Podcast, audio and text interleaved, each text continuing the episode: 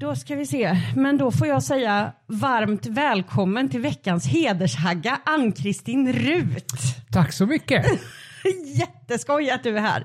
Du är ju pensionerad präst Ja, och numera föreläsare. ja tio år har jag varit Ja. på föreläs nu. Det är otroligt. Vi ska prata lite mer om det alldeles strax, men jag måste ju ställa den klassiska frågan först. Hur har veckan varit, Ann-Kristin? Den eh, veckan har varit mm, bra. Man måste liksom, hur har veckan varit? Så man tänker efter, vad har hänt? Alltså man glömmer ju jättefort. Vad åt jag till lunch idag? eh, eh, jag har varit och, jag var föreläst i Sjöbo. Eh, och det, har varit, det var väldigt roligt. Sjöbo gjorde sig känd som en, på sin tid, som en väldigt in, invandrarfientlig kommun. Okej. Ja, där skulle inte komma några invandrare in. Men det är ju lite, är ju lite passé nu. Men Ja. jag var ändå lite sådär eh, bävande, kommer att komma och lyssna några på mig överhuvudtaget? Ja, just Eh, ja. Och det blev fullspikat. Nej men vad roligt. Det var liksom, eh, de hade inte alls trott att det skulle komma, att det skulle komma en del, ja, men att det skulle ko- komma så många, de, de, de kunde inte knöka in fler lokaler. Men det är ju helt fantastiskt. Det var väldigt roligt. Det var väldigt, väldigt roligt och det var en väldigt blandad, eh, blandad publik. Det var skoj. Mm. Sjöbo låter... och, eh, Det är Skåne. Jaha, för det låter väldigt små, småländskt. Nej, det är, det är Så det är Skåne? öster om Lund. Aha, okej. Södra Skåne. Ja, men vad roligt. Vi har ju, du har ju föreläst eh, här i Göteborg också. Jag har varit och lyssnat på dig idag. Ja, just det. Ehm, och det var, det var, det var spännande. Och, för jag insåg när vi åkte hit då, hem till mig, att du, du, har, du rör dig ju precis som min mamma gör. Du bränner av som skjuten ur en kanon i 240 kilometer i timmen och går åt, så fort det finns liksom två alternativ så går du åt fel håll. Ann-Kristin höger, hö, vänster Ann-Kristin, gå rakt, rakt fram, nej inte in där. Så det var, det, var, det var lite roligt att se. Men jag, jag tänkte på det och fundera på min egen vecka så har jag Ja. tänkt väldigt mycket kring det här med eh, vilken skillnad det gör med adjektiv ibland. Och vad, kom, Ja. vad komiskt det kan bli om man bara byter ut dem lite. Så att jag ser den här stadsbilden. Det var, det var som en, en dystopisk film. Att det står en kvinna som pratar och sjunger för sig själv och matar kajor med nachochips. Okej, var detta en mardröm eller var Nej, det... nej, nej! Det här var på vägen till jobbet. Oj. Och i samma stund så springer det en gigantisk råtta över vägen. Oj, så det kändes, det kändes Ja, som du eh, vet. Okej. Eh, Om, om man tar en, en Disney-variant där Snövit står och matar småfåglar och det springer någon ekorre. Och sen så bara, jag- gör man motsatsen till det liksom? en deppig höstmorgon vid Marklandsgatan i Göteborg. Ja, okej. Så händer det här. Så, Okej. så jag har Okej. tänkt lite på det här med adjektiv, vad annorlunda du. det blir om man byter ut lite där. Så, men eh, ja, nej, så det har jag Det sett. låter ju som en scen ur en film. Sån Eller hur? Riktig sån mörk eh, framtidsdystopisk film. Verkligen! Det sker- Vi behöver inte göra det. Finns, verkligheten i övrigt är ju liksom full av sådana bilder nu tycker Oh jag. ja, oh ja. Det är... Men det var liksom så... Det var så mörkt så att det nästan blev lite uppmuntrande. Ja, ja, ja, så kan det vara. Det var, det var så mycket av allt. Och så just den här lilla detaljen med att de här nachosarna, det var med ostsmak också. Okej. Och du hann upptäcka detta? Ja, jag är observant. Du är observant, Nej, jag märker det. Alltså, min fru är en sån här observant. Hon ser Mm. allt sånt och jag liksom, eh, så, äh, vadå? Uh, Ja, nej men det är en sån himla, eh, det skulle jag vilja säga är en sån himla himla gåva i, alltså man underhåller ju sig själv extremt mycket när man snappar upp små komiska detaljer. För det, Ja. det, det är så mycket som, som man ser som andra tyvärr missar. ja, jag, jag, när vi gick på spårvagn, eller när vi satt på spårvagnen så Mm. gick det på en, en, en man, han kan ha varit i, i 30-årsåldern och han hade med sig ett barn eh, och så hade han keps på sig och så hade han en knallröd träningsoverall på sig. Ja, Och jag, och jag tittade på honom och tänkte, det är inte så vanligt att se medelålders män i knallröda träningsoveraller. det är också väldigt, väldigt tydligt när du säger det här att du inte är van vid att vara i Majorna. det är standard, eh, sånt ser man hela tiden här. Okej. Men, men jag, jag vet exakt vem du menade för jag tänkte också på det där var, ett, det där var rött. Du noterade det också ja. ja. Och jag tänkte på hans son. Jag tänkte när han Ja. kommer att vara ett par år äldre så kommer han att skämmas ögonen över sig för sin farsa som går omkring i en helröd träningsoverall. Men inte nu. Nej, han var för Nej. liten. Det är ju faktiskt lite roligt nu när du säger det så kommer jag ihåg att min pappa spelade ju dansband. Och de hade, bandet hette Dalsländers och de hade sådana 70-tals eh, träningsoverall i, i rött och vitt. Och så stod det Dalsländers på ryggen och hade de här utsvängda benen. Åh, vet, ja. okej vad fint ja. Ah, jajamän, finns bild. Du kan få se sen. Men vi ska... Eller, eller helst inte tror jag. Ja, precis.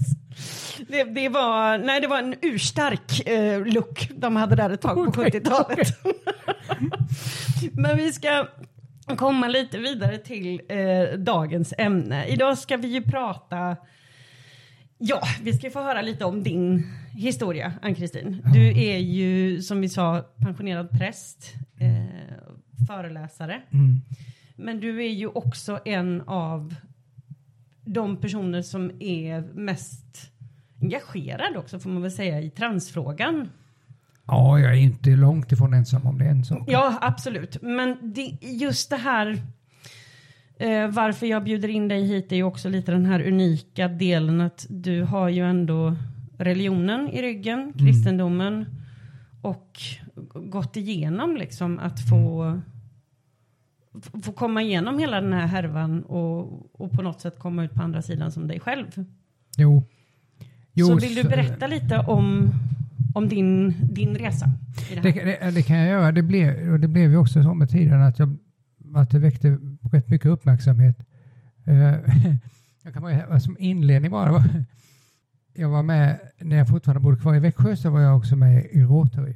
Och, Mm. och, eh, och där var det så att om, hade, om man hade varit i media i veckan så skulle man då skulle man böta så att säga med att lägga en slant i en spargris de hade.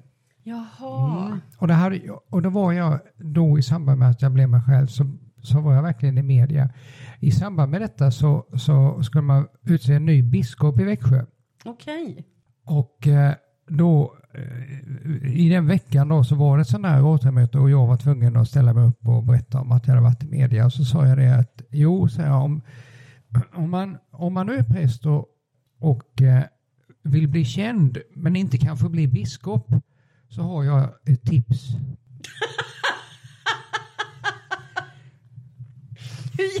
Hur, togs detta emot? Ja, man skrattade rätt Ja, men det, det är ju fint i alla fall. Kan ju tillägga Ja. det att eh, vi kommer ju referera lite. Du har ju skrivit en eh, fantastisk bok som jag har läst som heter Jag kom inte ut, jag blev mig själv. Ja, vi kommer också referera lite för din dotter Ester har ju skrivit en bok som heter Min pappa Ann-Kristin. ja, Och vi kommer även eh, referera eh, lite under avsnittets gång till filmen som är inspirerad Ja, av ja, Esters just bok. Min pappa Marianne. ja, just det. Ja, men mitt liv, ska jag berätta om det? Ja, Alltså, snälla. Okej, ehm, eh, det- det blir en snabb resumé. Mm. Alltså jag, är, jag är född den 12 november 1952 i Småland. Jag växte upp i Rottne, ett litet samhälle. Jag brukar säga att det är jag och Ola Salen som kommer därifrån. Det, det, det. det ligger på mil norr om Växjö. Mm. Och jag hade väldigt fromma föräldrar som gick i kyrkan varenda söndag och jag gick i söndagsskola och alltihop. Och det var den, den miljön jag växte upp i. Inte Mm. någon, ingen sträng kristendom uppfattade inte jag, men, men det, var, det, var, det var så. Eh, jag har tre syskon, så jag var en i en syskonskap på fyra. Mm. Och jag, och jag hade, som jag minns det, en, en, en väldigt trygg och, och, och bra barndom. Mm. Så, ehm, jag, efter gymnasiet så, så fick jag för mig att jag skulle bli, bli präst. Mm. Ehm, och det var fick jag för mig säger jag därför att det var liksom inte så, en del kan ju berätta om det. De visste när de var fyra år gamla så visste de att präst är vad jag ska bli. Okej. Det, vi- det visste inte jag utan det här var nog mer att det, det började nog med att jag kände det som att det blev, det blev så. Mm. Och jag började läsa teologi i Lund.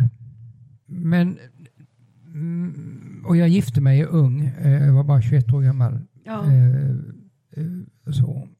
Men sen var det ju så att, att eh, när jag, i tidiga tonåren så, så eh, insåg jag att, att jag inte ville vara kille. Mm. Att, att det var fel. Eh, jag ville vara tjej istället. Eh, det, I mitten på 60-talet visste man inte så mycket och det var inte så mycket göra åt saken. Och för att den historien väldigt kort så, så insåg jag att nej, men jag får väl försöka leva med mig själv så, Mm. så, så, gott, så gott det går. Det var ju en tid när vi inte hade en, en aning om vad, vad trans var för Nej. någonting överhuvudtaget. Man får Eh, väl tillägga det också att det här var, det här var väl också i tiden när allting föll in under parafilier, alltså avvikande sexuella störningar man ja, ja, det som då? ja, Alltså, ja, det, jo, visst. Så, så var det ju. Jo, då var väl jag inte. fortfarande homosexualitet klassat som sjukdom? Ja, det var Ja, det. ja. Ja. Ja. absolut. Och allt som hade med trans att göra också. Mm. Men, men eh, jag visste inte, ingenting om det. Jag hade ingen aning om några termer eller någonting Nej. sånt. Jag bara visste att det jag kände och tänkte det var fel. Det var Mm. synd. I, inför, i, det, och det hade jag någon slags klarhet i utan att någon hade sagt det till mig. Mm.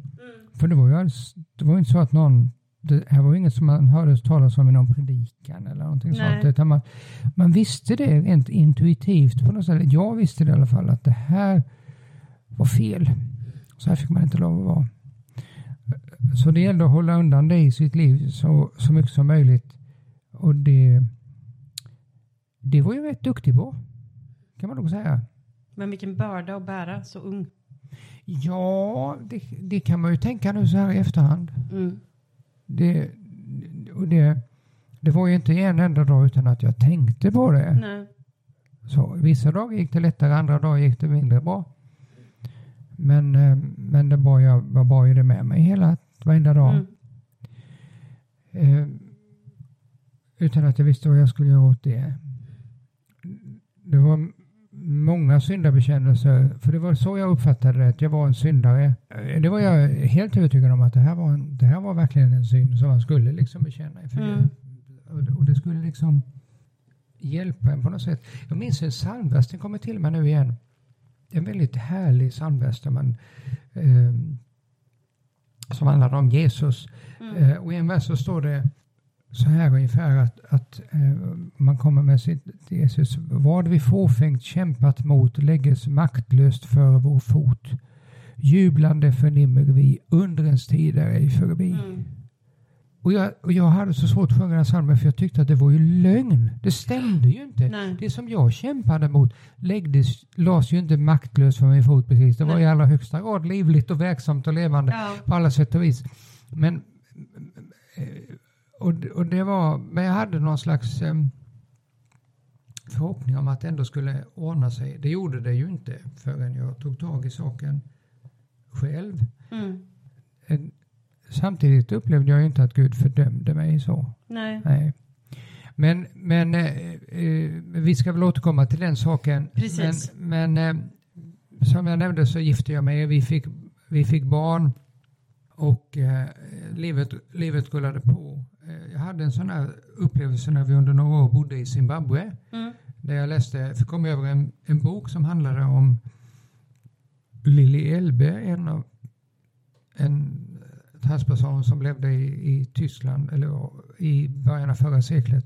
Mm. Som är en av de allra första som gick igenom en könsbekräftande operation. Just det. Och, då, och det var en uppenbarelse faktiskt för mig. Mm. För jag insåg att jag är inte ensam. Men det var inte så mycket som ändrade på någonting i mitt liv. Det, det fortsatte egentligen som, som förut. För jag visste inte vad jag skulle göra med den här kunskapen heller. Nej. Sen kom en period när jag 25 år senare, det var 10 år sedan dess nu, drygt det, 13 år, när jag äntligen tog tag i mitt liv. Mm. Eh, pratade med kurator och, och eh, bestämde mig för att ta reda på vem jag faktiskt är. Och, och, och klev fram som mig själv som Ann-Kristin och insåg att, att, att det här är jag. Ja. Eh, och det väckte ju som sagt en hel del uppmärksamhet eh, och det blev rätt mycket media kring det och, och, och utan att jag egentligen hade planerat det så, så, så blev det så att folk ville ha mig till att berätta. Mm. Eh, och jag insåg att folk visste rätt lite om sådana här saker så att det, sen, sen var det ju också på det sättet på mitt jobb då att det blev till slut orimligt omöjligt för mig att, att, att vara kvar. Och, ja. och vi kom till en överenskommelse, min arbetsgivare och jag, som de köpte ut mig och jag fick ett antal månadslöner och så mm. ägnade jag mig helt och hållet åt att föreläsa, vilket jag har gjort de senaste tio åren. Och detta med bravur, får man säga. Jag har ju hört dig nu. Det var ju, det var ju toppen. Ja. Väldigt, väldigt roligt var det också. Snacka går ju. ja, precis. Nej, men det, det, var, det var jätte, jätteskoj att se. Jag tänker på en del som du berättade där eh, under din föreläsning idag som jag reagerade på för det det, när du beskrev den här stunden när du liksom äntligen till slut kunde bli Ann-Kristin. Mm. Så, så sättet som du beskrev det på, att det handlar inte om ett val, att det var liksom tvunget, det får bära eller brista, det, det är som att hela ens väsen kräver det. Det finns inget, det finns ingen väg tillbaka. Ja, alltså så många gånger folk har sagt till mig att åh vad modig du är och jag uppfattar inte mig som modig. Jag uppfattar mig som att jag, det var bara, det, det här är jag, det är inget, Nej. Det är ju, ibland tar jag bilden av, av ett brinnande hus. Det om man befinner sig i ett brinnande hus så är det inte modigt att springa ut härifrån. Nej. Det är en tvingande, tvingande nödvändighet. Ja. För ibland så blir det ju så krasst att det, det, det, det, de enda alternativen man har är förändring eller döden. Mm. Jo. Uh, och, och jag, anledningen till att jag kände igen mig mycket, vi många som har, jag har pratat med som har eh, lämnat sin tro haft mm. väldigt, väldigt svåra men av många år i liksom dömande, hårda miljöer. Mm. Be beskriv, din beskrivning där, att du var tvungen. Det fanns liksom inget, mm. det är förändring eller döden. Mm. På samma sätt så beskriver många avhoppare det.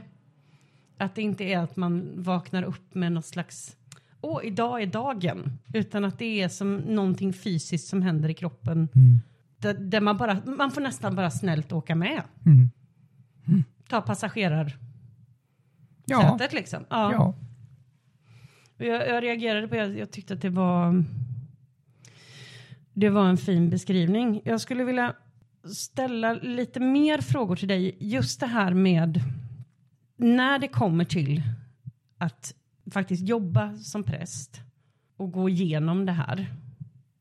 Om du tittar tillbaka på det nu, liksom, hur kan du säga att det hanterades så gott det kundes? Eller hur känner du inför hur eh, kyrkan hanterade din transition? Eller vad ska man säga? Ja, jag tror det är inte så att, att eh, kyrkan har varit liksom proaktiv när det gäller de här frågorna. Det gäller likadant homosexualitet. Ja, oh ja. Utan där är det ju homosexuella som, som har drivit på och sagt att vi kan inte ha det så här längre. Kyrkan mm. måste faktiskt jobba med de här frågorna och, och ta ställning eh, och, och, se hur man vill ha det egentligen.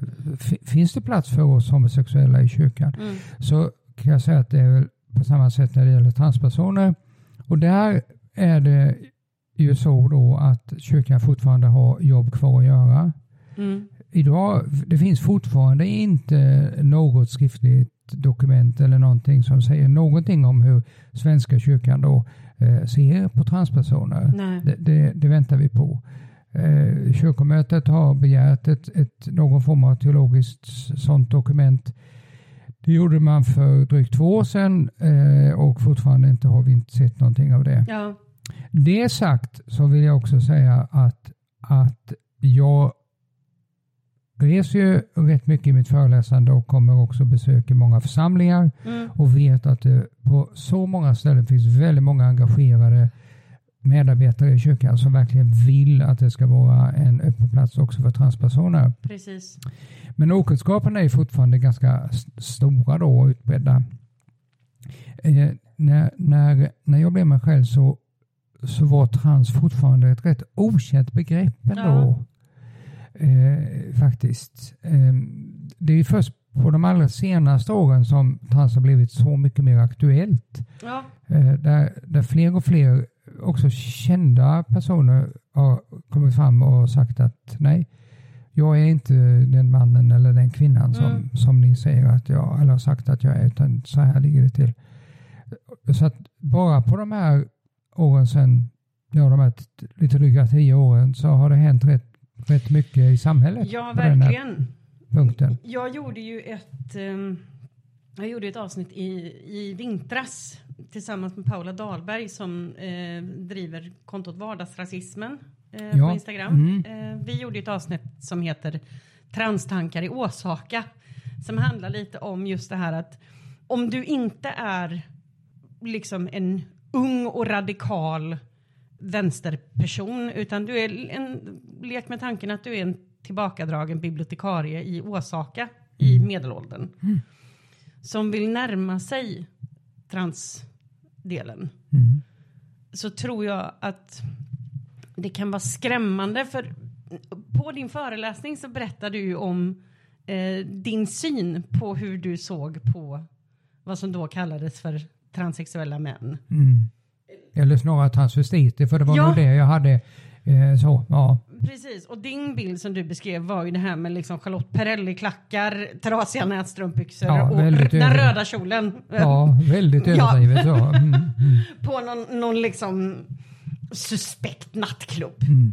Och jag tror väl att det, det, det var väldigt roligt och det säger så mycket för jag tror att om man går i de här tankarna så tror jag faktiskt att de allra flesta när man tänker på liksom transaktivister ser någon som är 23 år gammal med liksom blåfärgat hår, rakat på ena sidan, piercingar överallt, som är arg på barrikader. Och mm. det är den bilden so som man har. Mm. Och då försökte vi liksom bena lite i det här att vad gör man om man då är ja, men en, enligt sig själv helt vanlig tråkig person. Och det är lite det som jag skulle vilja att vi pratar lite om idag, lite fördomar. Mm. Men också eh, tänker jag att vi ska gå igenom lite, lite vett. Jag tänker att vi ska ha lite vett och etikett med Ann-Kristin Rut. eh, do's and ja. don'ts. Ja, okay. How to not be okay. rövhatt mot, okay. mot eh, överlag men också ja. mot eh, transpersoner. Ja. Och jag tänker att det här ska du få hålla i lite för att mm. du är ju, måste jag säga, väldigt, väldigt tjusig person. Mm. Jag, jag har ju, jag, det var ju så roligt när jag skulle åka och träffa dig idag så har jag jag skrev till min kompis Eli innan och sa nu har jag kajal och jag har kammat mig. Ja det är bra, det är bra Annika. så jag, jag skulle, man, man får ju kamma sig. men, men då tänkte jag lite sån här att i, i såna här frågor med liksom trans så blir det ofta, det blir så himla det, det är en sån otroligt pol polariserad situation där folk är så, de som är transfober är så otroligt oförskämda och elaka enligt, enligt min syn. Mm. Och liksom andra sidan blir, går såklart upp i affekt tillbaka och jag kan tänka att det är ju väldigt mänskligt det här med att man är rädd för det man inte förstår. Mm. Och om man då prompt ska liksom inte försöka förstå någonting mm. så tänker jag att det allra, allra minsta man kan göra som medmänniska i en tuff situation det är väl att försöka och inte vara en rövhatt helt enkelt. Mm. Så jag tänkte jag skulle vilja ställa några några frågor här som mm. jag skulle vilja att du svarar mm. på. Okay. Vilken är den tröttaste frågan du som transperson får? Som du verkligen önskar att du bara kunde få slå någon på käften när den, ställer. Vilket, vilket man inte gör, men Nej, men ändå. en, Mm. en av dem, det händer inte så ofta, men jag blir lika trött när jag får den. Det, är du opererad? Mm. Och det, och det händer och det har hänt att, att eh, eh, den som frågar liksom, tycker sig ha någon slags rätt att få veta det. Mm. De, då utkräver det av mig. Jag har Ja, hamnat, det är märkligt. jag har hamnat i situationer där liksom folk har liksom framhärdat fastän jag har försökt säga varför, va- och varför vill du veta det? Ja. Ja, jo men det vill jag veta. Eh, då blir jag, då blir jag trött. Ja. Eh, så. Det, det är diplomatiskt uttryck. Jag, Mm. jag blir mer... Ja, slå jo, till någon. jo men, men eh, du vet jag är föreläsare och eh, man vill ju gärna få fler föreläsningar och går ryktet att, att jag är föreläsare som slår folk på käften så får man inte så mycket fler jobb kanske. Nej, det blir lite trist Så, stämning. lite, det, blir lite, Mm. det blir lite trist stämning som sagt ja. Mm. Eh, mm. Jag funderar lite just kring den här frågan. Att, att fråga någon om den är opererad. Mm. Jag tänker väl så här att, att vara nyfiken. Det är någonting naturligt hos människan. Det, det kan jag, det kan jag förstå. Men bara för att du är nyfiken på någonting så betyder inte det att det är en passande fråga att ställa. Det känns som man får förklara som för Ja, barn. Nej. Så det är klart att, men ställer jag mig på en scen på det sätt som jag gör då Mm. när som föreläsare så är det klart att man kan tänka att jag är liksom lovligt villebråd på något sätt. Jag, då, då öppnar jag upp, varsågod. och- Ja, fast bara för att man är en tjötröv så finns det ju ingen människa i hela världen som liksom har, har, Nej. lov att Nej. fråga mig om liksom storlek på mina blygdläppar. Det hade ju varit helt sjukt. Nej, om någon nej, hade- nej liksom, det, det, liksom, det blir inte på den nivån. Det blir väldigt Nej. mycket sånt. Men, men eh, eh, det är... eh, Jo, jag, jag får frågor om mitt sexliv och jag får, men det är inte så ofta men det, det, det händer eh, och, och det, det tar jag väl på det där kontot att, att, eh, att på något sätt människor har en slags nyfikenhet och tänker att Mm. nu har jag en sån där människa framför mig. Nu ska jag försöka äntligen få svar på de där frågorna som jag har. Och så tänker man inte på att nej men det är kanske inte så artigt att fråga om precis allting. Tänker, en enkel grundregel är väl att liksom det här var mot andra som du vill att andra ska vara mot dig. Mm. Eh, Fråga inte sånt som du inte själv skulle vilja bli tillfrågad om. Nej. Det är väl en grundgrej. Ja, ja. Så. ja, kan det är väl det mest liksom grundläggande som man kan... Ja. Och är du tveksam, är det här frågan, är, liksom, är det okej att ställa den här frågan? Mm. Alltså, ja, men då kanske du ska låta bli att ställa den frågan. Det är ju, det, det ligger liksom i luften då att, att eh, och, om man, och det är väl kanske inte så konstigt när man åker runt och föreläser som jag, att jag också ska bli någon slags expert på transpersoner, att jag ska veta allt om allt, Mm. liksom, och varför det är si och varför det är så och varför och allt, jag ska veta allt om transvården och jag ska ha åsikter om precis allt sånt och det, ja, nej, jag, jag har inte det. Jag är Nej. ingen expert. Jag, jag är knappast expert ens på mig själv. Eh, Nej, vem, vem, vem är det på sig Nej. själv? Det tar ju Eh, år. Och, och folk har väldigt mycket åsikter och, och, och sånt och man vet så mycket och man vet precis eh, att nej men det kan ju ingen veta när man är eh, bara lite, eh, fortfarande ett barn om, Mm. om, om sin könsidentitet och sådär. Och när jag försöker säga att jo det kan man faktiskt så hävdar man det det. Just den här trötta att människor som faktiskt är okunniga tror sig Mm. om att de har liksom Listat ut hur de, det ja, egentligen ja, till. precis. Mm. Och, och, och, och anser sig ha rätt att ha alla möjliga åsikter om den saken. Det kan göra mig eh, rätt trött. Sen ska jag säga då att, att jag, de flesta människor är väldigt respektfulla och sådär Mm. också. Mm. Alltså den vanligaste frågan jag får det är varför heter du Ann-Kristin? Ja, Och då kan jag tänka, okej om du nu får fråga mig precis vad du vill Mm. och då, då är det liksom det som är liksom det du har suttit och grunnat på här hela Ja. föreläsningen varför jag heter det, ja, men jag tänker mycket det här liksom att med, med sådana frågor och varför tror du att just den här frågan har skapat så hetsk stämning? Men jag har tänkt på det eh, ganska ofta faktiskt eh, genom åren. Jag tänker att transpersoner är utmanande.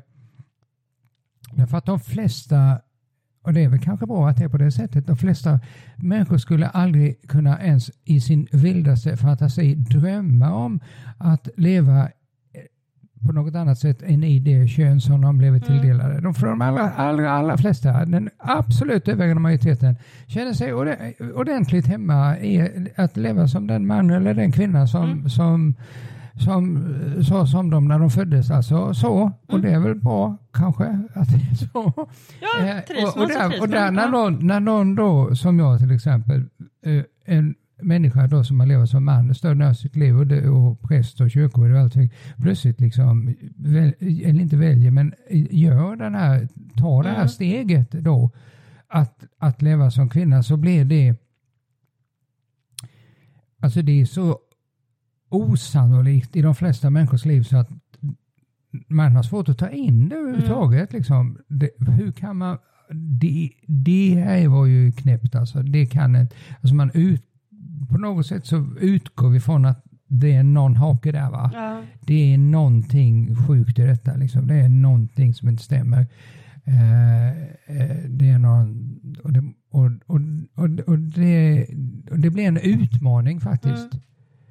För jag tror att för jag tror för de flesta män, alltså själva tanken att, att, en, att de skulle bli av med, med sin snopp, att vakna upp utan den, mm. jag tror att det är en mardröm som skulle göra dem fullständigt kallsvettiga. Ja. Eh, och då att någon frivilligt på något sätt skulle på något sätt gå igenom någon sån sak mm. och, börja, och dessutom börja leva som kvinna liksom i detta i samhället, när man har alla fördelarna av att vara man. Ja. Ja, mm.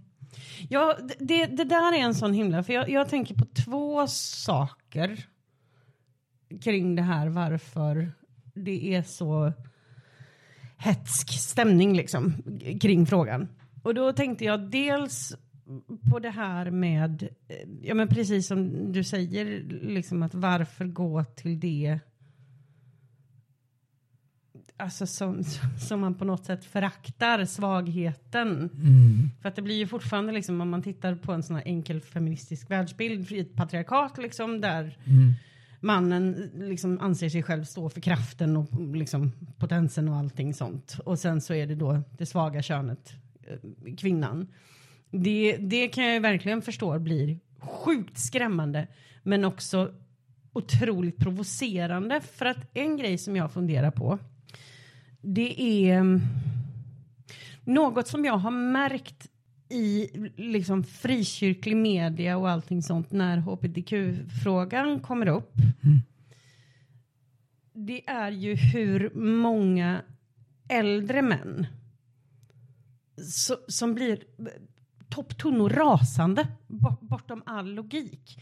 Och jag tänker lite så här nämligen. Man får inte glömma bort att det finns liksom skillnader i generationer. Eh, du är ju ganska många år yngre än, än min mamma, men Åh, oh, inte så många. Jo, men det är ändå åtta år eller vad oh. var det vi räknade oh. ut? Ja. Men, men jag menar, liksom, hon växte upp i en tid där eh, man inte pratade om någonting. Mm. Jag har ju sagt det i ett par år nu att enda sättet att liksom stoppa Putins framfart i Ukraina det är att sätta eh, hela Europas eh, 40-talister i psykoterapi vid gränsen. För att deras ackumulerade liksom undantryckta vrede som de går och bär på det är liksom det enda atomvapen som kan få stopp på någonting. Mm. Och då med det menar jag att jag tror så här att jag tror att det finns många, framförallt kristna män, som har slitit med de här frågorna, dolt det och lidit mm. i så många år. Mm. Och sen kommer det en ny generation som liksom kräver sin plats och, och, och, kräver att det här liksom tas på allvar. Mm. Och då tror jag faktiskt att i många fall så blir reaktionen blint raseri. Mm. För att det blir en spegel på hur man har slösat bort sitt liv. Det- Vad tänker du om den? Jo, men det, det kan nog vara så. Eh, och för många är det ju skrämmande. Bara tanken att, eh, liksom, bara tanken att jag skulle vara bög till exempel. Du Ja. vet, när män omfamnar varandra så gör de det på det sättet att de ger varandra fyra stycken klappar på ryggen. Så Ja. med högerhanden. Vet du vad, de, vet du vad de fyra klapparna är? Nej. Jag är inte bög. Jag är inte bög. Den är så, åh, den är så bräcklig den där Ja, den är det. manliga. Ja, Ja. för man har så mycket liksom man känner att man måste leva upp till. Och jag kan ju känna, jag kan ju känna igen det hos mig själv när jag ser tillbaka på mitt liv. Jag menar, det var ju sån rädsla jag hade för att vara ja, och bög och, och, och transperson så småningom. Alltså, det, det är inte jag. Nej, det är inte jag. Det är inte jag. Och det yttrade sig också i en ganska väldigt konservativ syn på allt som hade med hbtq att göra. Och, och jag var känd för det. Eh, jag var ju liksom det här med tanken på kvinnliga präster var ju också jag en Mm. av de som liksom avvisade och sånt där. Och, och, och mycket av det hade ju att göra med min rädsla för mig själv. Ja, ja. Och det är ju många, eh, det jag har ju träffat ett antal homosexuella som har berättat för mig, det för mig att det fanns ju ingen större homofob än jag. Nej. Och jag kan väl säga att det fanns väl ingen större transofob än jag. Det är ju ett försvar. Ja. Liksom. Jag är inte sån. Sån är inte jag. Mm. God värld? Nej, absolut inte. Eh, sen tror jag väl inte alls att alla som är, är transfober i själva verket är, Nej, är, är men- bögar. Nej, det, det vore ju ganska dumt att dra de slutsatserna. Ja, men, men- jag- men, men, men, men det är ändå det här om man vill liksom stå upp för det att och när det gäller bibeltrohet, liksom, vi kan inte säga ja till det. Så Säger vi ja till det här så kommer vi så småningom säga ja till precis allting. Mm. Eh, och då rasar allting, liksom, och hela tillvaron och allt det trygga som vi har byggt upp. Att liksom, vi kan ändå skilja mellan rätt och fel. Och, och, och nu då har vi ändå kommit fram till att Guds ord säger det här. Mm. Så, eh, vet inte riktigt hur, men på något sätt har vi ändå kommit fram till det. Och, och då, då, då kommer någon ifrågasätta det så är det som om hela Hela byggnaden på något sätt rasar. Eh, och, och, och det är lite vemodigt för det, det gör den ju inte. Nej. Det jag har också träffat ju ett antal sådana som, nej men som, som känner att de är liksom soldater i frontlinjen. Ja. De står upp för Guds ord. Jajamän. Och de vill inte vara någon svikare för de ser så många andra svikare runt omkring sig. Och här är vi som, som liksom står på barrikaderna och verkligen försvarar Guds ord eh, mot alla nedbrytande krafter. Och då liksom att komma till en punkt där man bara tanken om att tänk om jag hade fel. Mm. Det kanske inte var så här. Det, det, det är en väldigt skrämmande tanke. Ja, det är en väldigt skrämmande tanke och det, det leder också in på, in på en grej som jag tror är så himla farlig. För att om man inte vågar erkänna att man har haft fel, då, då blir man en sån där person som hela tiden är så otroligt rädd för att tappa ansiktet. Mm. Och på något sätt så tror jag att om man är så himla himla rädd för att, misslyckas och ha fel och tappa ansiktet så tror jag att det är väldigt, väldigt lätt att man hamnar i den fällan där man eh, skyller ifrån sig. Man blir en icke ansvarstagande person. Ja, jo, det, det tror jag. Och så också finns det, en, det finns flera aspekter i detta också. Gemenskapsfaktorn. Mm. Jag känner igen den själv från den tiden när jag liksom, jag växte upp i en kultur där det var självklart att vara emot kvinnliga präster. Mm. Det är vi som är emot kvinnliga präster. Det är vi och så har vi dem där borta, det är fienden. Liksom, eh, eh, och, och det ger en väldig gemenskap, liksom Mm. den här åsiktsgemenskapen. Och att då liksom tänka att man kanske, nej men det kanske inte var riktigt, kanske inte stämmer trots allt. Och tänk om jag skulle byta åsikt i den här frågan. Vad Mm. händer då med mina bekantskaper, med mina vänskaper? Jag, då har vi ju den gemenskapen, då kan inte jag vara kvar där längre. Och det Nej. är också en väldigt skrämmande tanke. Det är otroligt skrämmande. Så jag tror att just gemenskapstanken är, är en, tror jag, en, för många en avgörande faktor för varför man håller fast vid åsikter som man egentligen inte har grund för. Det, det stämmer och det, det för mig till en tanke eh, angående din bok. Eh, jag kom inte ut, jag blev mig själv. Eh, som jag kan varmt rekommendera. Den är, den är jättefin. Det var mysigt också att du, jag lyssnade på den. Det var mysigt också att du läste in den. Ja, just det. Ehm, och jag, det som, det som drabbade mig mest, det, det gjorde så ont i mig av isolationen. Att man kan vara omringad av människor men vissa delar, alltså frågor i en gör ju att man blir så isolerad. Det var, det var, en, det var en berättelse om väldigt, väldigt mycket ensamhet. Ja, ja det är sant. Och det, det, man tänker inte på det. När jag gick igenom min utredning som man måste gå igenom om man vill få hjälp med sin kropp i transvården. Mm. Så en del av det handlar om att man, berätt, man berättar om och om igen om sitt liv. Och då var det en kvinnlig läkare som lyssnade på detta och så säger hon till mig när jag pratat en stund så säger hon det låter som du har varit mycket ensam. Mm. Och då och då brast det faktiskt lite för mig. För ja. det kom till mig då att jag inte hade liksom tänkt. Man tänker inte på det när man är i det, men just när, när hennes ord kom där och de drabbade mig. Då kom tårarna faktiskt. Jag insåg att hon hade rätt. Mm. Jo, det har varit mycket ensamhet i detta. Um, så är det ju. Mm.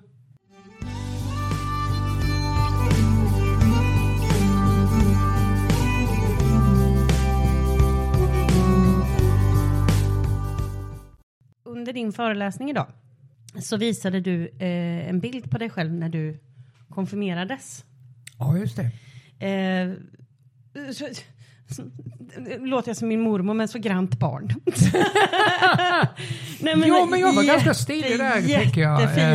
Eh, sa vattenkammat hår ja, och allt. och lilla skjortan och slipsen. Ja, ja visst det var jag men, så. men jag tänker lite sådär för att jag har tittat på jag har tittat på en, en dokumentär eh, som heter Transkriget som i princip la fram transfrågan som att det bara som att det står någon slags onda clowner och lurar in barn i transvården och bara slänger liksom hormonbehandlingar på dem inom en kvart innan de har hunnit tänka efter. Lite så uppfattade jag mm. den här dokumentären och det stämmer ju absolut inte. Det är långa, långa, långa köer. Mm. Det tar år och i väldigt många fall så blir det ju också extrema problem för de här barnen, alltså mår så dåligt. Ja. Och då tänkte jag när jag såg den här bilden på dig som konfirmand, eh, så berättade du att du hade ungefär någonstans där pratat med din mamma och sagt liksom att jag skulle vilja se ut som en tjej. Mm. Om man då tänker, om vi flyttar det barnet till nutid. Mm. Vad hade du önskat för dig själv på något sätt och genom det för andra nu, barn? Nu, nu, nu ska man komma ihåg då att, att eh, då när det begav sig, jag hade ingen förebild. Nej. Dagens unga transbarn, de kan få förebilder via eh, tv och andra mm. media så, där de kan känna igen sig och tänka det där är jag. Mm. Eh, och då, vet, och då kan, de, kan, man möjligen tänka att ja, men så, här, så är det för mig. Det är ju detta som är jag. Mm. Men jag hade ju inte det. Jag hade Nej. ingenting sånt. Jag hade liksom bara mina egna tankar som var väldigt skrämmande samtidigt för mig. Mm. Det, det enda jag kände, om jag nu kunde försöka formulera det, var att jag vill se ut som en tjej. Mm.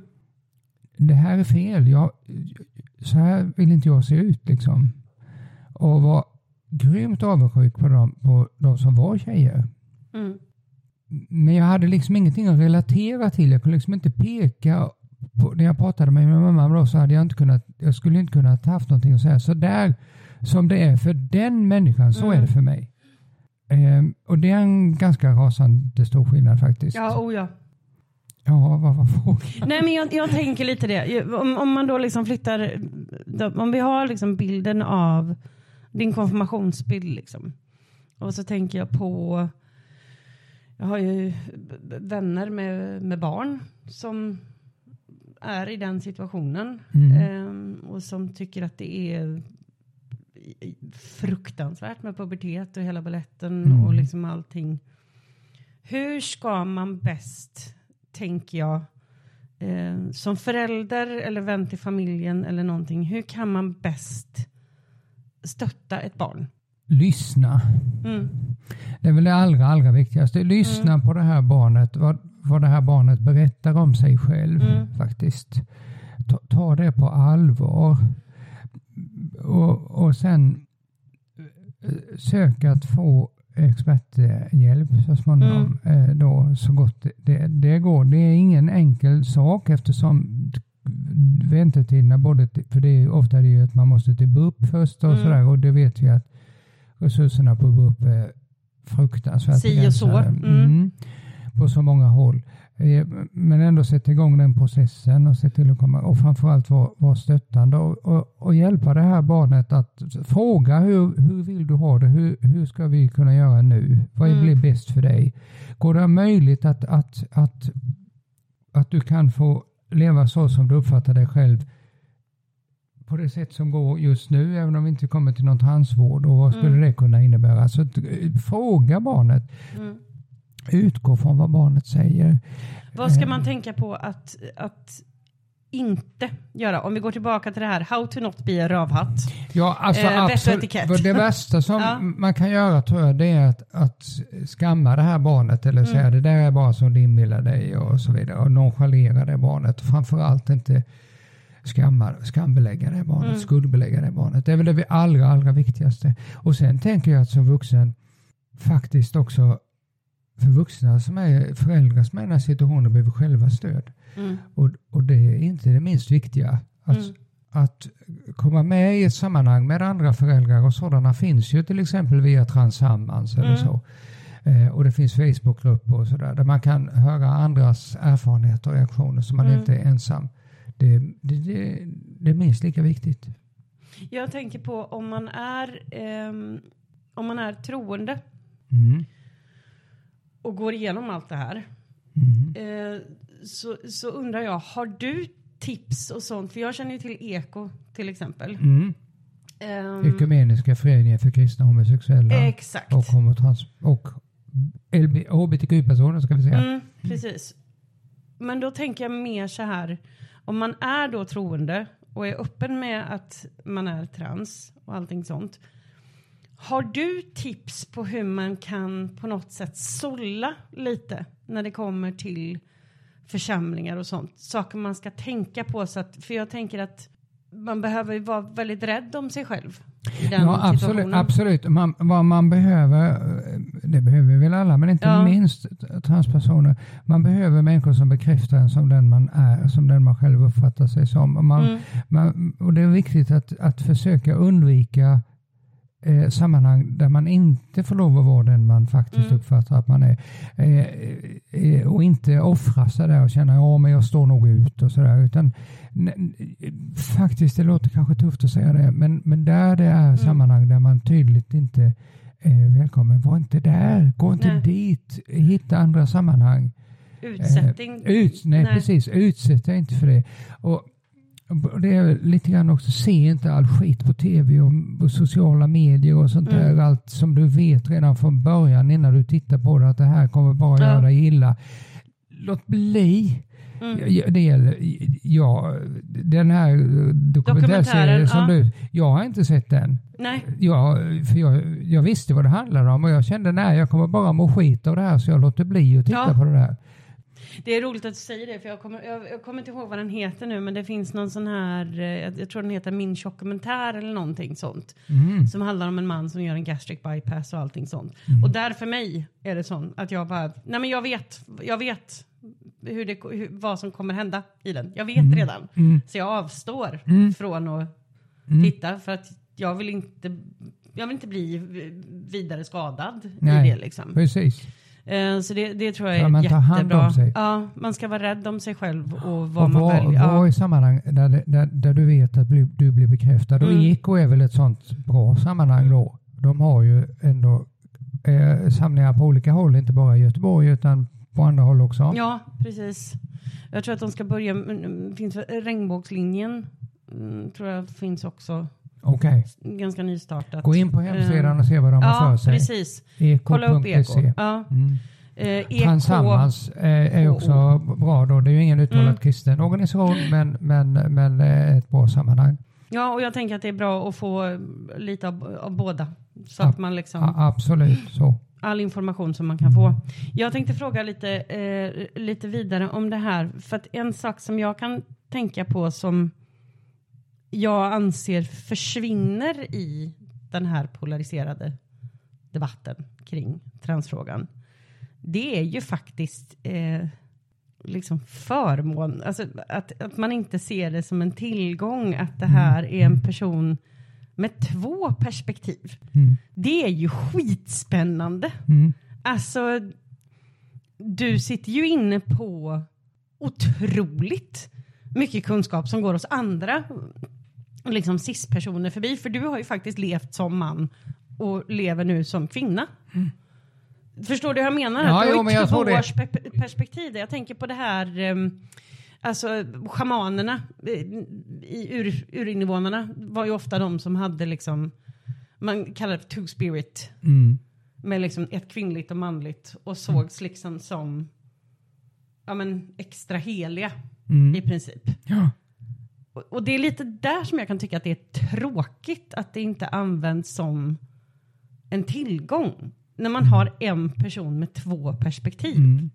Ja, och det är lite märkligt för i andra kulturer, till exempel den indiska, då har vi hi- hiras Mm. som, eh, eh, som där ansågs som lite särskilda eh, sådana som visste mycket.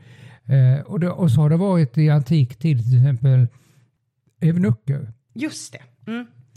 Inga transpersoner nödvändigtvis alls, men, men som ändå avvek ifrån normmönstret genom Mm. att inte vara fullt ut män. De ansågs ju ofta vara människor med lite övernaturliga egenskaper och särskilda kunskaper i, i, i det andliga och sådär. Men, men eh, visst, så är det ju. Eh, och, och, och att jag nu lever som, som kvinna äntligen har ju också gett mig insikter som jag inte har haft förut. Liksom just saker som har att göra med det kvinnliga som har gått mig förbi Ja. därför att jag har varit förblindad av den manliga världen kan man nog säga. Vill du ge några exempel? Ja, det kan jag göra. Alltså, varför jag inte har liksom varit erf erfaret det tidigare, det, det fyller mig lite grann med, med skam. Men till exempel, vilken skillnad det är när det gäller manligt och kvinnligt liv. Inte bara när det gäller lönen då, som ju fortfarande är lägre när det gäller Mm. kvinnor generellt, utan överhuvudtaget det rent kroppsliga, vad det innebär att Mm. leva som kvinna, som män aldrig behöver fundera över. Nej. Bara ta en sån sak som menstruationen som kvinnor lever med från tidig pubertetsålder till upp i mogen ålder. Eh, och som påverkar deras liv. Och så många andra saker som har med barnafödande att göra som för kvinnor kan göra, påverka deras kroppar för Ja. resten av deras liv. Förstöra. Förstöra eh, en, en kvinnlig kropp. Och så många, och det är bara att ta en sak som bröstcancer till exempel med Mm. mammografi. Det behöver ju män aldrig fundera över någonsin i sitt liv medan kvinnor regelbundet måste gå och undersöka Mm. bröst. Sina bröst. Eh, Och cellförändringar. Cellförändringar alltså, och, och ehm, endometrios och framfall och Ja, ja, ja. Gud vet allt som har med kroppen att göra. Mm. Så, medan mäns kroppar i princip bara tuffar på. Och, och ta det här med bröstcancer då. Ja, men kan inte män drabbas av bröstcancer? Jo, det kan de göra. Eh, det, det händer i ungefär mellan 30 och 50 fall varje år. Eh, hur många är det kvinnor varje år som drabbas av bröstcancer? 8000. Ja, det, ja. 8000. Ja. Och det var liksom kunskap för mig som inte jag hade aktuell liksom nu, liksom förrän nu när jag Mm. lever som kvinna då. Eh, och, och, och, och, jag- och jag tycker det talas alldeles för lite om det. Mm. Jag tänkte på en sak eh, som du nämner i din bok. Eh, som, som liksom dina, där dina döttrar verkar ha varit eh, lite sån här att nu får du tänka på att vara lite försiktig. alltså, hur var den liksom övergången till att helt plötsligt behöva liksom Ja men du vet lite så här, i- nu, nu tänker du på att inte gå ut själv på kvällen. Alltså alla de här typiska säkerhetsbitarna som sitter så djupt i Ja. alla kvinnor. I alla kvinnor, ja precis. Ja. Det är en annan sak. Hur inte, var det att lära sig? Ja, men jag har inte lärt mig det. Nej. Nej, Jag har inte lärt mig det. Alltså, jag har levat så länge som man så att liksom, jag har Mm. inte jag, har inte, jag har inte insett det fast min, hon som är nu min fru, hon, hon, hon är orolig för mig ibland liksom, för att Ja. jag är så naiv och omedveten. Eh, Jag vet ju hur det går också, så i och för sig så har du ju fördelen att skulle det komma en förövare Mm. så skulle han aldrig hinna ikapp. Du svänger också utan, Ja. utan att blinka. Det här, Ja, det här ja. är inte en... Nej, Det är fel personlighet. Nej, nej, och det är väl, det är väl så. eh, eh, jag, vet, jag vet att det finns, det finns eh, kurser för, för transpersoner att lära sig att gå som en kvinna. mm. Och jag har aldrig gått någon sån kurs, vilket är uppenbart för var och en som tittar på mig. Jag har liksom aldrig känt att nej, det känns som att jag ska försöka imitera någonting som... Ja. Nej, Du skulle gilla min kompis eh, Amanda, hon bor ute i Gamlestan. Mm. Hon har en gångstil som att var hon vad hon än ska göra, om hon ska, så ska gå och köpa glass eller gå till vagnen, så ser hon exakt ut som hon är på väg för att gå och skalla någon. Världens- okej, Det är okej. mest aggressiva. Men hon ser verkligen ut som hon, hon ska ut på rövarstråt. Mm. Det ska Amanda Eriksson när hon går någonstans. Det Nej, tycker jag. men, men kvinnor är ju liksom lärda att Ja. liksom inte ta för stor plats. Om man tittar på eh, alltså en väldigt då, sån, eh, gå, vad ska vi säga, lite fördomsfull uppfattning. om- Mm. Men, men ändå sådär att kvinnor lär sig att gå eh, och sätta den ena foten framför den andra. Män sätter den ena foten bredvid den andra så Mm. när de går. Medan kvinnor liksom går liksom så, för att Piruettar sig. lite så, Ja. för att de ska inte ta plats. Ja, Så. just det. Mm. Eh, och inte vifta för mycket med armarna och lite så. Eh, eh, och hela tiden vara beredd på att ligga. Och det kan re- reta mig. Du, Mm. och du, du, du går emot ett gäng grabbar som står och pratar. Mm. Eller män som står och pratar kan man säga. Så, så, så går du alltid åt sidan då som kvinna istället för att vänta Mm. på att de faktiskt flyttar på sig. Precis. Flö och knasa igenom Ja. hela. Ja. Nej. Eh, och, och, och, och, men det där har jag... Nej, jag viker inte åt sidan. Nej. Det gör jag inte, utan de får faktiskt flytta på sig. Och då tycker ju min fru att jag är dum. Eh, man ska, nu beror det ju på vilken tid på dygnet det är och allting Mm. sånt och vilka grabbar det är. Man, man, liksom, man får vara, vara lite omsorg kring sig och vara lite försiktig. Och det är klart att ja, jo, ja, lite bättre har jag väl blivit på det. Men, men ehm, Har du märkt av, det måste jag fråga, för att det där är, jag är ju ganska yvig av mig och, och liksom har väl, har väl inte, man kan väl säga att när jag var med i frikyrkan, jag har ju fortfarande behå, jag har ju alltid haft liksom samma brötiga personlighet. Eh, men har du känt av, för att det har jag märkt av hela mitt liv och som har varit väldigt påfrestande, att man liksom den här, den här interna koden, precis som du pratar om nu, för eh, hur kvinnor rör sig och för sig. Men att det också internt ofta, om det är mycket tje- tjejor i grupp, blir tydligt ogillande om man bryter mot den normen. mm, Att för att en de, de flesta liksom, tjejer som är brötiga och låter mycket och allt. Brötigt är ju sånt typiskt Göteborgs. mm, Och liksom, man är all over the place. Och låter mycket och hörs och syns. Och att det på något sätt är fult mm. för en kvinna att ha den, den rollen liksom. Har Ja. du märkt av det här interna liksom på något sätt bete dig beteende? Nej, jag tror inte jag har det. Alltså, det beror på att jag har levat så länge som man så jag Ja. har, känner inte av det på det viset. Gud vad skönt.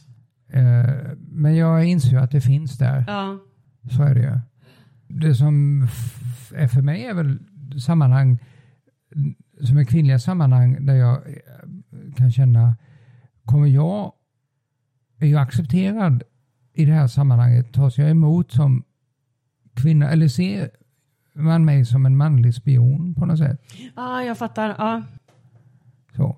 Vad svårt. Vilken, vilken svår grej att navigera. Ja, det kan Runt, vara rätt ja. svårt. Och den känslan det är svår att bli kvitt faktiskt. Det Mm. kan vara omklädningsrummet på gymmet till Mm. exempel. Eller andra kvinn sammanhang som är 100% kvinnliga sammanhang. Mm. Sådana, ja okej, får jag vara med här? Mm. Jag kommer ju Eh, ihåg en, en scen som från den filmen, Min pappa Marianne, Mm. som berörde mig jättedjupt. För att jag tyckte att den var så sårbar och hur mycket lite vanlig jävla omtanke kan göra för en människa. Och det är när eh, Rolf Lassgård då som, som, som, spelar dig får man väl säga, mm. eller mm, ungefär, mm. huvudkaraktären där, är inne och ska köpa liksom en, en tunika. Mm. Och man märker liksom att den här expediten förstår. Ja. Och säger till honom att det är väl kul att det finns liksom snygga saker som passar oss lite större tjejer också. Ja, och, det, och, och ser liksom... Ja, mm, ja. Mm. Och det, och det, det, är en väldigt bra scen och, och, och jag tyckte om den också precis som du. Just det här inkluderandet. Ja. Och det var ju en sån... Jag hade ju en sån erfarenhet, det var på gymmet faktiskt, när mm. jag hade varit och klätt om och hade den där känslan att ja, okej, okay, jag klär om så snabbt som möjligt. Jag ska inte tänka om jag orsakar någonting, att någon känner sig osäker och ja. bara för att jag finns där och sådär. Och så kom jag in i gymmet eh, och, eh, och det var inte så många där. Det hade varit ett par killar, de hade gått och så var vi fem, fem kvinnor kvar. Och, då, och, jag, och jag och sitter jag står i någon grej mitt emot en tjej som håller på med någon typ av roddmaskin eller något mm. sånt och så säger hon, inte bara till mig då, men till oss alla, vad skönt att det bara är kvinnor här. Åh, vad skönt det måste ha känts. Och då var jag inkluderad uh. och, det, och jag kändes, det kändes jätteskönt och jag kände liksom, gjorde hon det någon, nej, jag tror inte alltså att, alltså hon, jag tror inte hon bara spontant inkluderade mig. Uh. Utan närmare eftertanke. Och det kändes jättegott. Ja, men det förstår jag verkligen. Jag tänker um, vidare lite kring, kring det här liksom med dos and don'ts och vett och etikett. Mm. Det syns ju inte på dig på det sättet som det kan göra ibland. Tror du att det har att göra med att det liksom blir lättare att smälta, alltså på något sätt smälta in i, i samhället? Du menar att jag passerar? Du, ja, du är passerande, precis. Okay, ja, det är, är, det, detta, är det en opassande detta, fråga att ställa? Nej, nej det är det inte. Detta magiska ja. ord passera. Ja. Det är ju liksom det man strävar efter att passera. Och det, och det fanns ju en tid när jag, när jag verkligen kände att, att det var liksom skitviktigt för mig att passera. Ja. Så. Och idag bryr jag mig inte så mycket. Vad skönt. Faktiskt. Ja jag menar, det fanns ju tider när jag inte kunde gå till affären utan att liksom verkligen sminka upp hela facet mm. liksom, och vara supernoga med allting. Idag går jag till Coop och handlar utan att sätta på så mycket som ett läppstift. Jag ja. skiter i det. Eh, helt enkelt. För det finns faktiskt. en trygghet i det. Ja, ja. ja alltså jag känner, och jag känner på något sätt att det är en slags, en slags frihet som jag måste mm. eh, ta mig. Va? Jag måste liksom skapa mig det livsrummet. Jag kan inte gå omkring Precis, hela nej. tiden och fundera över vad människor eventuellt tänker om mig. Att det är klart att jag inser eh, att människor liksom zoomar in mig som transperson. Okej, okay. och då får de göra det då. Varsågod, här är jag. Ja. Eh, eh, jag. Jag kan inte tänka på det. Sen är jag medveten om att jag inte väcker kanske så himla mycket uppmärksamhet det, på det negativa sättet. Mm. Det, det, gör jag väl inte. Det är jag också medveten om. Mm. Eh, det har väl kanske också med åldern att göra. Liksom, gamla tanter, liksom, vem bryr sig? Jag kan ju se hos unga transpersoner, och då kan jag bli lite, lite vemodig ibland, för många lägger ner enormt mycket energi på att just det här att passera, passera ja. till 100 procent och, och jobba stenhårt med det och, och liksom kan bli också oerhört, oerhört förnärmade om någon säger fel på normen eller något mm. sånt där. Och det har väl sin tid. Det är en process man måste mm. gå igenom. Um, men jag hoppas så småningom att de kommer ut ur det där och bara kan vara, ja. inte behöva ägna energin åt just den saken. Liksom, utan släpp det och, liksom Don't give a fuck. Ja, men lite så no more fucks to give-delen. Eh, mm, lite ja. så. Eh, så utan, utan faktiskt bara få, få vara sig själv och slappna av i det ja. och, och, och, och, och, inte ägna så mycket funderingar över vad andra eventuellt Nej. tänker.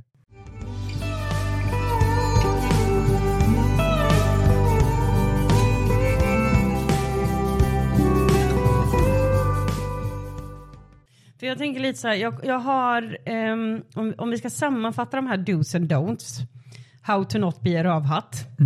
Eh, jag ska, har en avslutande fråga sen om eh, äldrevård för transpersoner som vi ska komma till sen. M- eh, men då tänker jag lite det här att vad, kan vi, vad har vi kommit fram till? Vi har kommit fram till att man ska lyssna på transpersoner. Eh, ta upplevelserna på allvar.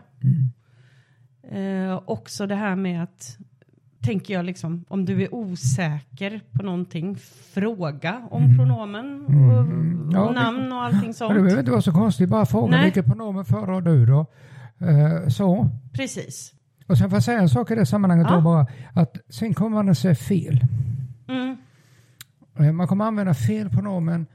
Eh, Man kanske råkar säga fel namn rent av om det är ett nyss Ja. liksom, som transitionen har skett och sådär. Och då eh, kan en del bli oerhört förkrossade och säga åh nu blev det fel, förlåt, förlåt, förlåt. Och Jag säger Mm. släpp det. Släpp det, ta inte på dig offerkoftan där utan bara säg okej nu blir det fel, förlåt. Och så Mm. går man vidare. Men, men, men liksom fastna inte i det. Jag säger fel. All, jag säger fel. Ja. Jag, har ju, jag har ju transbekantade. Jag säger, jag pratar om dem och säger han. Och säger min fru, vad sa Mm. du han? För jag sa väl inte han? Jo det Ja. gjorde du. Jag hörde det alldeles tydligt. Och, Då hörde du fel! så, och det gör, och vi kommer, då kommer, ibland blir det fel och så, vi är bara människor och så är det inte mer med det. Nej, det kommer jag ihåg att Paula sa sist gång också att liksom, om det är genuint att man säger fel så bara gör inte för himla stor Nej, nej, nej. Nej. ursäkta jag sa fel och gå vidare liksom. Ja, Det, det finns ju, sen så finns det ju liksom sådana oerhörda rövhattar som alltså felkönar med, med flit. ja, ja men de, Ehm. det är en annan grej. Det pratar vi om här. Ja precis, utan det är liksom, det borde märkas Ja. rätt mycket Ja. skillnad där. Mm. Sen, sen har vi också eh, lärt oss att en sak som, eh, jag tänker att precis som att du liksom inte ställer frågor om dina arbetskollegors blygdläppar Mm. så kan man avstå från att fråga transpersoner om deras underliv. För det vill Ja. ingen prata om. Nej. Om man inte är hos liksom, gynekologen eller urologen eller nej, vad det nu må precis. vara. Ehm, det, det där är ju några, några av sakerna. Mm. Men en sak som jag tyckte var intressant under din föreläsning idag som jag eh, gillade att du pratade om. Det var det här med liksom ålderdomshem. Ehm, och just den här delen att i vissa fall om demens sätter in så kan ja men då kan de här delarna i en människa komma upp som man har förträngt och förtryckt Mm, hela mm, livet. Mm. Kan inte du berätta lite mer om, om, om det? Alltså jag kan ju inte så mycket om demens. Men jag kan, ju, jag kan ju tänka mig att det kan vara på det sättet att, att man kanske har levat hela livet med, med att hållit undan vem man själv verkligen är. Och när man inte har de spärrarna längre, till Nej. exempel på grund av demens, så kanske det bubblar upp till ytan och då kanske personal eller, och eller anhöriga Mm. står där och, och, och eh, blir väldigt förundrade och, och, och så. Eh, och då, då tänker jag bara att, att man man kanske ändå ska ha en öppenhet för att ta det på allvar Mm. ändå. Att det här handlar om något genuint hos den här människan. Och inte bara någon demensinbildning. Nej. Så. Och jag tänker på en sak som jag minns från eh, när jag gick bibelskola uppe i Stockholm. Det Mm. minnet slog mig. Och det var att flera av de här liksom högt uppsatta, det är väldigt mycket hierarkier inom, inom frikyrkan. Mm. De här eh, högt uppsatta frikyrkotjejerna eh, som var liksom, ja, men ansedda att vara pastorsfru-material. det gänget. De, jag, undrar, jag kommer inte ihåg om det var att de volontärade eller om de jobbade. Men jag vet att det fanns vid den här tiden runt år 2000 något sånt här äldreboende som var eh, liksom som sköttes av pingst. Där liksom gamla gedigna liksom pastorer bodde. Och det gick ju rykten om det här stället att liksom folk kom därifrån och var helt förkrossade. För att de tänker liksom att de ska tjäna, du vet de här äldre gudsmännen och möts istället av liksom farbröder som bara skriker könsord och, och nyper unga tjejer i röven. Liksom. Mm. Och, och, och det är väl lite, det är väl lite i liksom det här som förtrycks Mm. så himla mycket. Nu menar inte jag såklart att alla pingstpastorer vill skrika könsord och nypa 14-åringar i röven. Nej, nej, men nej, det är fortfarande... Men, men, men jag vet ju, jag förstår ju vad du menar. Ja, ändå, ändå lite intressant. Det dök upp det minnet där. Eh, och så tänker jag på också just den saken hur man kan i äldrevården förhoppningsvis ändå ta liksom människan i beaktning. Jag minns ju när min mormor bodde på eh, demensboende. Så var det jätte, jättejobbigt för min mamma när de klädde mormor i- i långbyxor. För hon hade aldrig, hon hade, alltså hon- min mormor satte inte sin fot utanför hemmet, liksom utan att vara, hon såg, hon såg ut som en 40-talsdröm genom hela hennes liv. Det var alltid lagt hår, det var liksom dräktklänningar, det var uh, lågklackat men liksom vä- extremt dressad. Jätte, jättefin alltid. Och hon hade blivit bedrövad om någon hade sagt på henne långbyxor.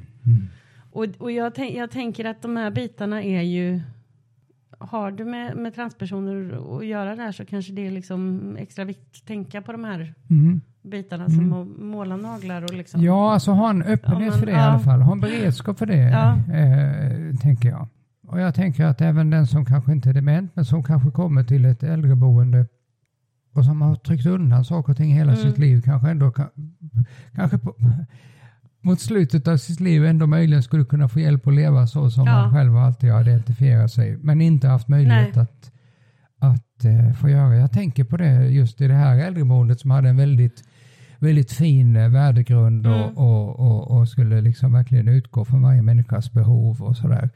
Att, eh, att vara öppna för det, att det här kanske är ett behov hos en människa. Ja. Och, och vad, vad, vad lite det krävs ibland för att någon vad lite, vad lite det krävs för att ge en annan en medmänniska en känsla av värdighet. Ja, precis. och att bli Ja. sedd och bekräftad. Ja. Liksom.